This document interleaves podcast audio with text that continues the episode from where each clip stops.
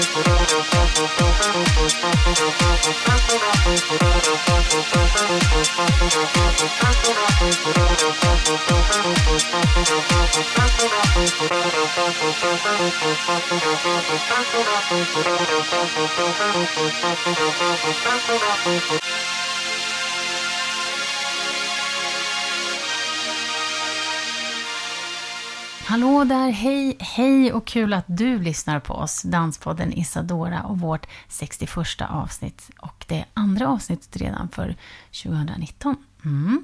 Vi är alltså en danspodd, för dig som inte vet, för dig som är ny här. Och eh, den görs av mig, Anita MTN och Niklas Reimertz och det handlar om dans, där vi intervjuar dansare, koreografer och gör lite spaningar på dansområdet. Men det är väl spännande? Idag i alla fall så har jag pratat med koreografen Per Isberg som jag faktiskt har pratat med tidigare i ett avsnitt som du kan lyssna på. Men den här gången handlar det specifikt om hans verk Nötknäppan som visades på Kungliga Operan i Stockholm för 300, 300 gången den 12 januari, alltså nu 2019. Urpremiären var 1995 och den ligger långt bak i tiden så jag ringde upp här för att fråga om han fortfarande håller det här verket så kärt. Och det gör han. Och han har inte ändrat särskilt mycket förutom ett parti som han faktiskt höll med kritikerna om kunde ändras. Lyssna på vilket det är. Stort välkommen in! Ja, hallå ja! Hej Per! Danspodden Isadora här. Hej. Vi vill säga grattis såklart till dina 300 föreställningar av din version av Nötknäppan på Kungliga Operan i Stockholm. Ja, var du där eller? Ja, jag var där. Väldigt fint. Och vi var också med på minglet efteråt. Så vi hörde, hörde hur ni pratade, både ballettchefen och du. Eh, hur ni talade om det hela. Det var ju lite grann som en personalfest nästan. ja, jag vet inte riktigt vad det skulle vara för någonting. Jag bara visste att det skulle vara glas efteråt. Ja. Personalfest, nej men vi hade ju bjudit in några av dem som var originalmänniskorna till allting. De som kunde komma, så det var väl det som var. Och så de som var bakom scenen kom ju dit och sen också. Så. Verkligen. Jag såg Marie Lindqvist som var med i ett avsnitt här för för några mm. veckor sedan. Hon, var det hon ja. som spelade den ursprungliga Husan? Det var 1895, jag säga. så hon dansade en ganska Ja, nej men... Mm. Ja, hon, hon, var ju ganska ung när hon gjorde det från början och så då höll de ju på så nästan 20 år så det är klart det blir några år. Men herregud, eh, jag menar 300 föreställningar, hur, hur länge ska ni fortsätta med den? Den är ju liksom, den är ju... Ja, tradition kanske vi kallar den. Ja. Nej, men det där har jag ingenting att göra med. Jag är bara glad att de tar, tar tillbaka den, men det är ju det är ju operan i sig själv, eller balettcheferna som bestämmer det. De lägger ju repertoaren varje år. Så det där, det där är ju bara tur, men det, det är ju som allting. Om, allting är ju nytt någon gång, eller hur? Om det kommer tillbaka och det spelas då och då så blir det ju liksom lite traditioner i hela och till slut så kan det bli en klassiker om man har tur. Mm. Och sen sätts... Ja. På världshistorien så är det ju många verk som inte har varit speciellt populära när man kommer till, eh, till. Och sen nu hundra år senare så spelas de fortfarande för att de har liksom kommit tillbaka. Men det är så många kompositörer har gjort saker som de tycker, ja, det där var väl sådär. Mm. Och sen är det det som har överlevt.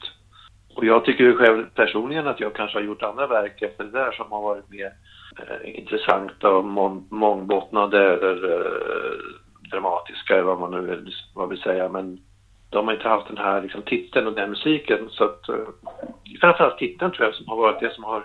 Det finns ju vissa saker som folk känner till fast de inte har sett. Jag tänker att det blir det är utsålt i stort sett hela tiden när, när den går. Ja, men det tror jag är över hela världen faktiskt. Mm. Just bara för att den går en, eh, bara en kort period under året. En del kompanier i USA och så har ju den som en slags eh, garant för sin garanti, över e, e ekonomi. Mm. Det är den som liksom drar in pengar för att de ska kunna göra föreställningar under resten av året.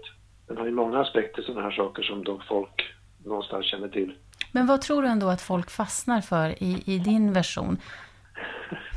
jag vet inte riktigt om jag fattar det med men nej men det var väl det, min tanke från början var väl att jag undrade varför inte hade gjort någon svensk version eller som någon som hade med oss mm. vår bakgrund att göra. Eh, och då efter att jag hade sett de som gick här på Operan, den Nureevs första version som är mer rysk, den schweiziska som inte hade något ljud i sig. Mm.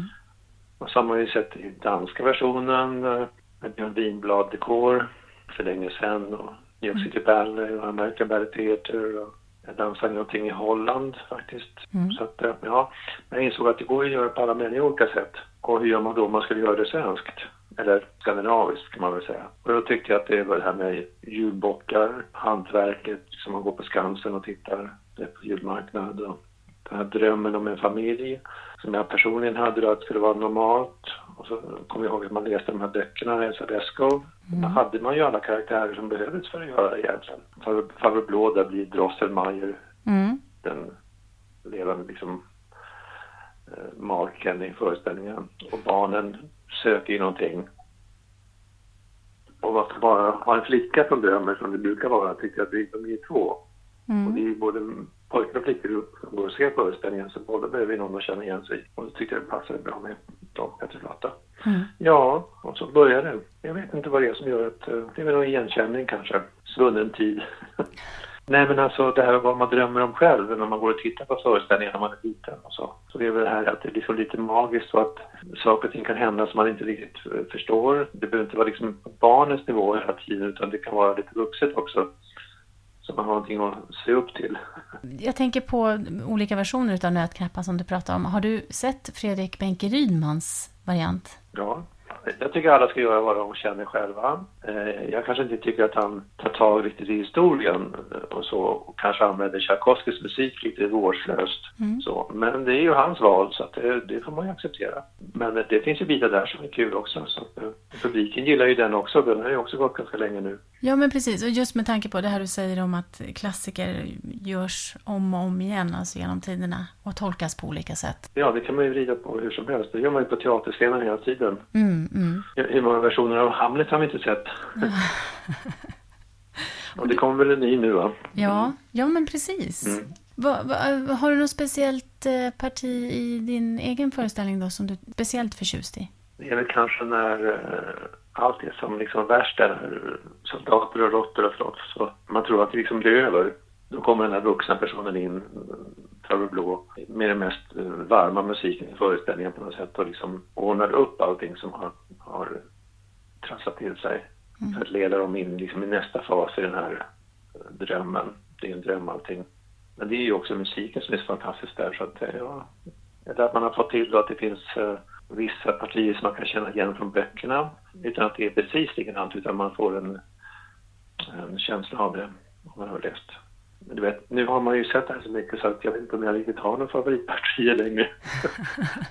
Men det är ju inte jag som ska sitta där och liksom eh, njuta utan det är publiken som ser det för första gången som ska tycka om det. Ja.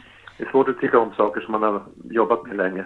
Nej, det var det jag tänkte just, att när man ser den om och om igen, jag förstår att du inte ser den varje, varje gång den spelas här, men, men hur, eh, hur förhåller man sig då? Alltså börjar man att se felen då? Är det, är det lätt att hamna där eller hur? Ja, det är klart, saker? men eh, då är det ju så att om man ska hålla på ändra hela tiden så blir det ju liksom en omöjlig uppgift också för de som ska göra det om jag går in där och petar. Mm. Däremot så tycker jag att allting ska vara tydligt och klart så att man förstår intentionerna och sen får jag leva med det jag gjorde liksom för över 20 år sedan. Mm. Mm. Viss koreografi kan jag tycka är lite sisådär men, men eh, den är som den är så att jag vet när jag repeterade med Birgit Kullberg många gånger med Fröken Julie och sånt här. Mm. Eh, andra balletter med, då sa alltid balettmästaren åt henne att nej men nu kan du då hålla på att ändra här, nu har vi gjort så här. För annars blir det ju inte heller en tidstypisk sak utan då det är som att måla om en tavla hela tiden, det går ju inte. Har man hängt upp den så är den ju oftast där som den är. Men har du ändrat mycket mm. från, från grunden, alltså om man säger så? Från premiär? Nej, jag har för, förtydligat ibland och uh, mm. i och med att när det inte är originalmänniskorna som gör längre så måste man ju få det också att bli levande för de nya som gör det. Och de är ju inte några maskiner utan de kanske behöver göra ett lite annorlunda steg eller eh, nyansera på ett annat sätt så det ska kännas rätt för dem. Mm. Så där, där är man ju inne och lite små, små fixar.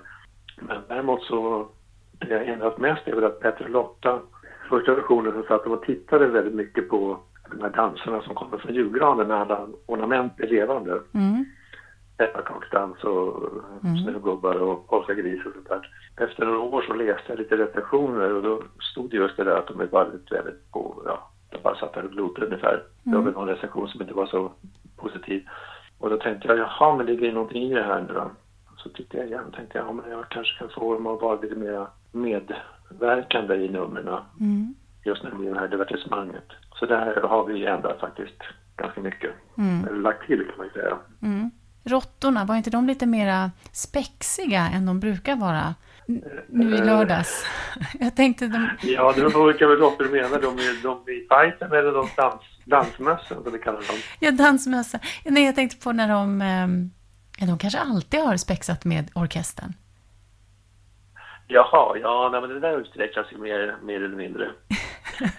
Det har blivit lite mera, ja det är sant. Ja, det har det, eller hur? Ja, men bra, för, då, ja. för eftersom jag har sett den här så många gånger, åtminstone jag tror jag räknade till 16, 16 gånger, så kände jag ändå att det var några, några detaljer som jag kunde se ja. hade förändrats. Ja, men det beror ju också på orkestern, om de är med på det hela, då blir det ju mera, för då får man ju en reaktion från dem. Och, och från början visste man väl inte riktigt om de skulle tycka det var kul eller inte. Men ibland kastar de upp ost till, till råttorna också. Ja, men jag hörde att det var flera som skrattade och framförallt, alltså det är så mycket barn också i publiken som älskar det. Ja, det är väl kanske lite oväntat, kanske lite publikfrieri kanske till, till och med, men det får det väl vara då om det är det. Nej, men man ska ju ha kul, det ska ju vara liksom en lustfylld tillställning framförallt. Så att, det är ju härliga ja. kostymer och så. De här tomteblossen, är det såna här LED-lampor som ni har? Ja, det här var ju faktiskt gjort innan LED. ja, är det? Ja, men för det ser ja. väldigt eh, sprakande och fint ut. På 60-talet kom det ju sådana här lavalampor och sånt där. Kommer du ihåg det? Mm, mm. Var du född då? Uh, nej. nej. Jag minns dem. De, nej, kom, det... de gjorde en revival på 80-talet också. Ja, de har ju haft revival. Alltså. Mm. Så det är mer någonting från den tiden kan jag tänka mig. Det är alltså som, skulle jag säga, glasfiber, rör. Ja, ja, ja. Mm, mm. Som ett piggsvin kan du tänka dig. Och så inne då i själva att de sitter ihop, där är det en lampa som lyser upp röret. Mm. Och eftersom ljuset eh, går igenom röret så blir det liksom, där är det klippt, där, där stannar själva liksom ljuset och då blir det som en liten effekt där då. Men det blir så inte det varmt ganska enkelt. alltså? Ja, just det. Men det blir nej. inte varmt utan det, det är liksom...